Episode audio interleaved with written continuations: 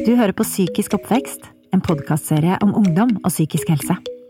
Jeg heter Henriette Brusgaard og er selv forelder til to barn som etter hvert skal bli ungdommer. Som foreldre ønsker vi at barna og ungdommene våre skal ha en så god livskvalitet som overhodet mulig. Men hvordan kan vi få til det? Det viser seg at det finnes fem grep man kan gjøre i hverdagen for å øke gleden og livskvaliteten. Et konsept som kalles hverdagsglede. Dette bygger på den engelske modellen Five Ways of Well-being, og er basert på bred forskning. Akkurat som vi kan spise fem om dagen for å leve sunt, er dette fem om dagen for å ha det bra med oss selv og de rundt oss. Maja Eilertsen har jobbet som lege og kommuneoverlege, og er nå ph.d.-student ved Folkehelseinstituttet.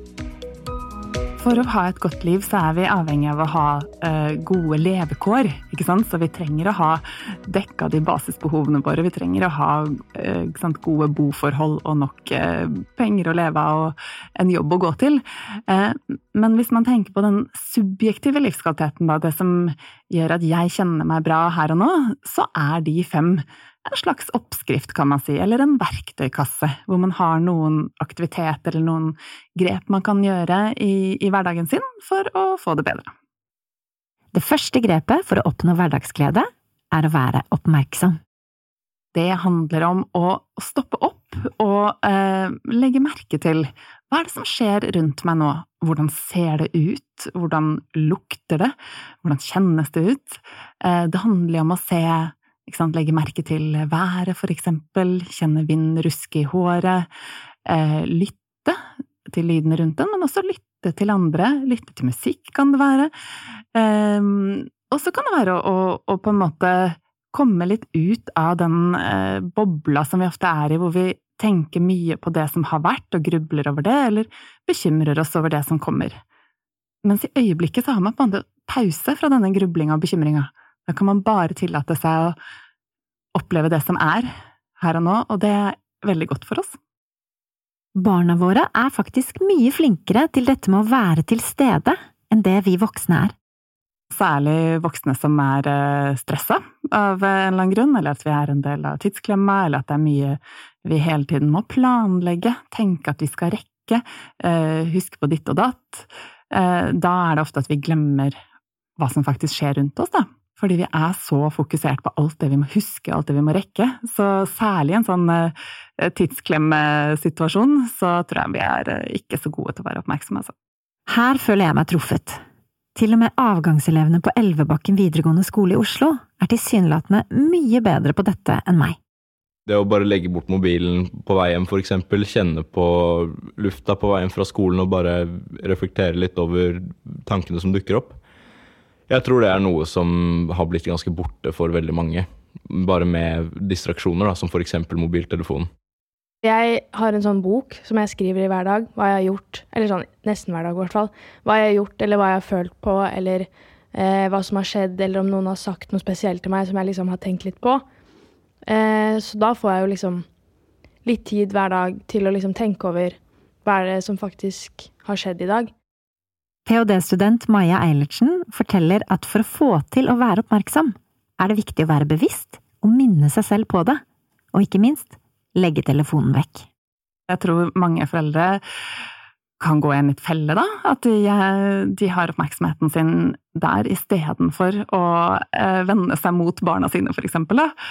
Eh, se på dem, høre på dem, snakke med dem, så, så forsvinner vi inn i den telefonen. Eh, så jeg tenker det er en stor utfordring, og at vi må virkelig ta det på alvor. Og, selv hvis en telefon ligger på bordet eh, med lyden av, allikevel så viser det seg at det stjeler masse oppmerksomhet. Man lurer på hva som skjer der, ikke sant? Og da vil jo de man er sammen med føle seg litt sånn nedprioritert. Og jeg, jeg er kanskje ikke så viktig som eh, den telefonen, ikke sant? Så til grep nummer to. Det er fysisk aktivitet. Og det trenger ikke engang å være så mye. Maja sier at alle studier på fysisk aktivitet viser at det er bra for oss. Det er litt som en lykkepille. Det skal faktisk ikke så mye til, kanskje bare ti minutter med få litt puls, eh, før det skjer liksom kjemiske reaksjoner i hjernen som gjør at vi faktisk blir i bedre humør, da. Så det å få lagt inn fysisk aktivitet hver dag helst, da, det vil jo Det gjør masse for hvordan vi har det. Og da gjelder det å finne aktiviteter som man selv liker, da, ikke sant, og gjerne sammen med andre.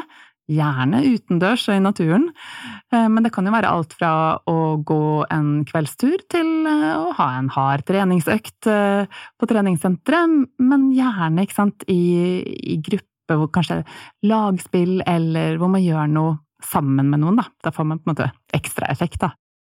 Noen tror kanskje at for at fysisk aktivitet skal gjøre oss glad, må vi prestere i denne aktiviteten, helst få anerkjennelse eller føle at vi er gode. Men Maja mener at det ikke er tilfellet. Det som er bra med fysisk aktivitet, er jo det som skjer i kroppen og i uh, hjernen vår, når vi er fysisk aktive. Det har ingenting med hvor gode vi er til det vi gjør, eller Eh, men det hjelper selvfølgelig hvis eh, man har det gøy når man er aktiv. Eh, hvis man gjør noe man liker, så er det enda bedre. Men fysisk aktivitet er absolutt ikke i denne sammenheng noe som skal handle om prestasjoner i det hele tatt. Da Mikael begynte å trene, merka han fort at han følte seg bedre. Etter jeg har trent, så føler jeg på en måte at nå har jeg gjort noe. Nå har jeg eh, gjort noe som eh, er bra for kroppen min, istedenfor å ligge hjemme og eh, bare daffe, på en måte, så har jeg gjort noe produktivt. Og det hjelper veldig for meg.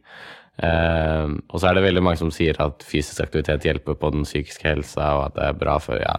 Og jeg, jeg vet ikke om jeg har lagt så mye merke til det, men det er på en måte den følelsen jeg får av meg selv. At jeg blir på en måte stolt av meg selv. At ok, jeg kom meg ut døra i dag og trente, liksom. Eh, det er noe med det. For Michaels klassevenninne, Emma, er trening en måte å få en pause fra alle tankene i hodet. Hvis jeg bare begynner å jogge eller begynner å løpe, så løper man nesten fra alle problemene og alle bekymringene sine. Og det er veldig behagelig. Så det er så fint å liksom bare kunne på en halvtime få prosessert gjennom så mye som man går og kverner på eh, gjennom en dag. Hverdagsgledegrep nummer tre handler om å lære noe nytt, eller å fortsette å lære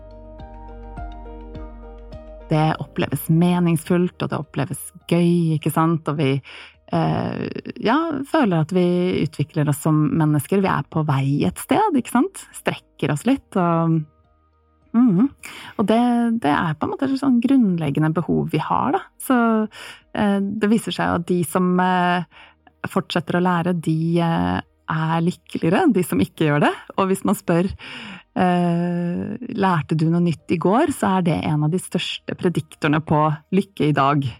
Så det, det betyr mye. Men for unge er det en del kunnskap man skal lære, som blir presset på dem. Jeg tror det er veldig viktig å skille mellom uh, det man uh, har valgt å lære selv fordi man er interessert i det, og eh, de tingene man på en måte skal lære.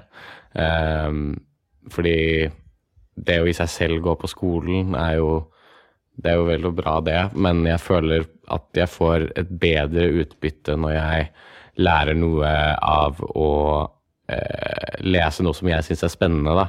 Og for Mikael er det det han kaller nerdete greier, nemlig juss. Jeg leser liksom høyesterettsdommer og syns det er gøy. Eh, og da er jo rettslære, for eksempel, det er veldig gøy for meg, men matte matte, det å lære på en måte nye ting i matte som jeg ikke hadde noe interesse for, har aldri vært så veldig spennende for meg. Og selv om unge må gå på skolen, og det de lærer der er bestemt for dem, sier Maja at den læringen som gir best livskvalitet, er den som er indre motivert hvis man lærer noe man er interessert i og noe man har lyst til.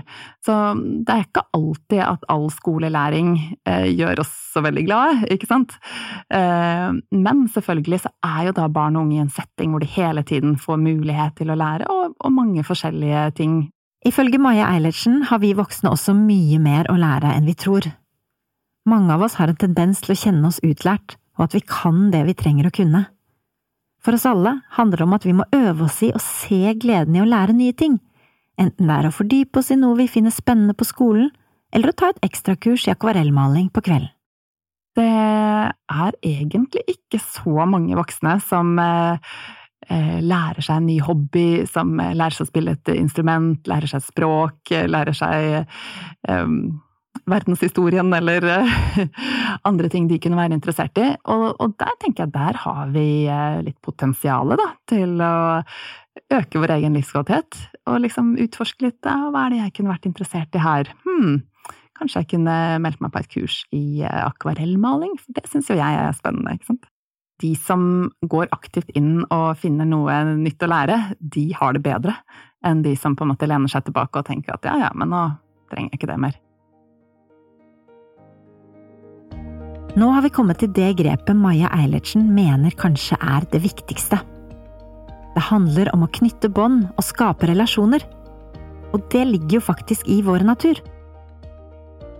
Gjennom evolusjonen så har vi vært flokkdyr og avhengig av flokken vår for å kunne overleve. Og dette tar vi nå med oss og, og, og har en like stor avhengighet nesten av å, å ha relasjoner, da. Eh, og dette gjelder jo også for de som eh, tenker at ja, men jeg er jo introvert, eller jeg liker meg veldig godt alene. Ja, men uansett så trenger alle å ha noen nære. Men i tillegg til å ha noen gode, nære relasjoner, så trenger vi også å ha relasjoner til folk rundt oss som ikke er så nære. Jeg syns det er veldig gledesgivende å kunne, f.eks. her på skolen, da, kunne si hei til mange, og bare, bare det lille sånn anerkjenne nikket, f.eks. At det, det å ha en liten relasjon til mange er også veldig hyggelig, da, syns jeg. Jeg sier jo sånn takk til uh, når jeg kjøper ting på Rema 1000, liksom. Og jeg sier noen ganger hvis jeg går av foran på bussen, sier jeg også takk eller ha det til bussjåføren, liksom. Det syns jeg er Ja, det gir meg litt glede. Ifølge eksperten har smalltalk, eller et lite hei og et smil, en stor effekt på hverdagsgleden.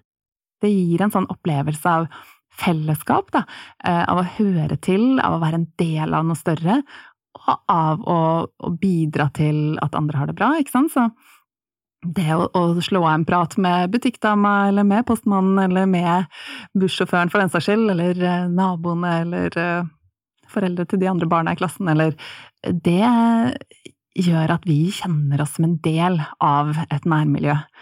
Og det betyr egentlig vel så mye som å ha disse gode, nære relasjonene som skal liksom støtte oss gjennom livets uh, oppturer og nedturer, da. Selv om man definerer seg selv som introvert og trives godt alene, har alle bruk for noen. Jeg er egentlig sånn introvert og ikke sånn, har ikke sånn veldig mye energi av å være med masse mennesker, men samtidig så er det liksom noen mennesker som jeg må ha rundt meg for å ha det bra. Og det er særlig liksom familien min, det er veldig viktig, og bestevenninna mi og kjæresten min. Det er liksom de relasjonene som er viktigst for meg, og som gir meg mest glad, da, å tilbringe tid med dem. Det siste grepet i hverdagsgledekonseptet er å gi eller å bidra. Ifølge Maja gir det en opplevelse at vi betyr noe for noen, og det er viktig for oss. Det har jo også vært en sånn eh, hva skal jeg si, iboende menneskelig egenskap som vi eh, Lenge før vi begynner å tenke strategi og, og liksom bare what's in it for me, så, så er barn veldig opptatt av å dele og gi og passe på at de andre har det bra. Her har vi også mye å lære av de unge. Mikael, for eksempel, han er engasjert i elevrådet. Selv om det på en måte ikke har noe sånn materiell gevinst for meg, så er det veldig givende å på en måte vite at ok, jeg utgjør en forskjell. For det å gi, eller å bidra, trenger ikke å være noe stort eller materialistisk. Dette handler jo da ikke om å gi på en måte gaver eller penger eller sånne ting nødvendigvis, men, men å gi tid, gi oppmerksomhet, eh, bry seg, stille opp, gi støtte. Eh, og det er så godt for oss. Da føler vi at vi spiller en viktig rolle i verden. I eh, disse fem grepene så er dette her som en sånn bevisstgjører og påminner om at eh, ja, å gi er jo noe vi alle gjør, men hvis man gir litt mer, eller fokuserer litt mer på det, så kan man få det bedre i hverdagen. Så vil oppfordre alle til å tenke hm, hvordan kan jeg gi og bidra i dag? En av elevene på Elvebakken, Amund, kjenner på at han kunne bidratt mer. Uh, ofte er liksom uh, sitter hjemme og ikke gjør noe, da. og da legger jeg merke til herregud, jeg gjør egentlig ingenting for å gi noe til andre eller liksom bidra til samfunnet. Ikke samfunnet er litt stort, da, men allikevel. Da sitter jeg og blir oppmerksom på at jeg kanskje ikke bidrar like mye som jeg kunne gjort. da. Og jeg tror hvis jeg hadde bidratt mer til et eller annet, så hadde jeg blitt mer glad. Dette er altså de fem grepene det er dokumentert at har en positiv effekt på menneskers livskvalitet. Men jeg må si, dette høres jo kanskje litt lett ut? Er det bare sånn at ved å bruke disse fem verktøyene, så vil man få det bra og oppnå glede i hverdagen? Jeg har jo en kollega som pleier å si at det, det banale er det geniale i dette.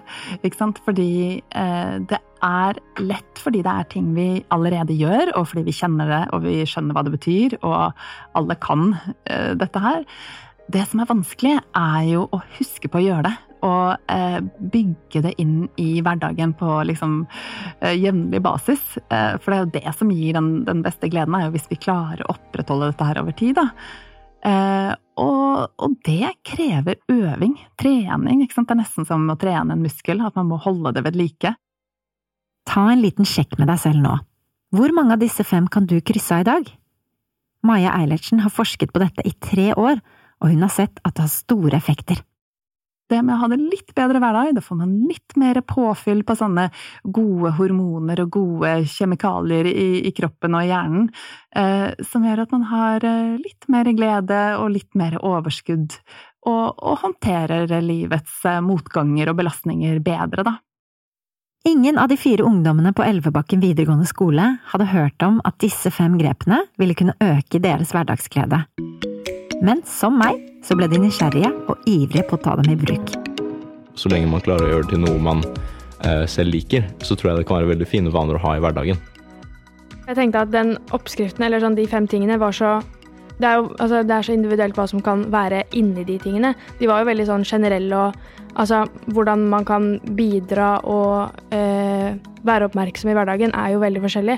Man kan gjøre det på så forskjellige måter. Så jeg føler at de fem tingene kan jo på en eller annen måte passe til de aller fleste mennesker.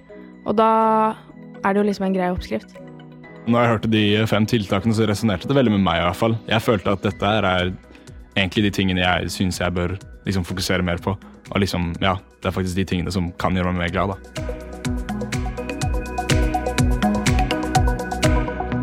Denne podkasten er produsert av Vrang Produksjon for Rådet for psykisk helse, med støtte fra Stiftelsen DAM.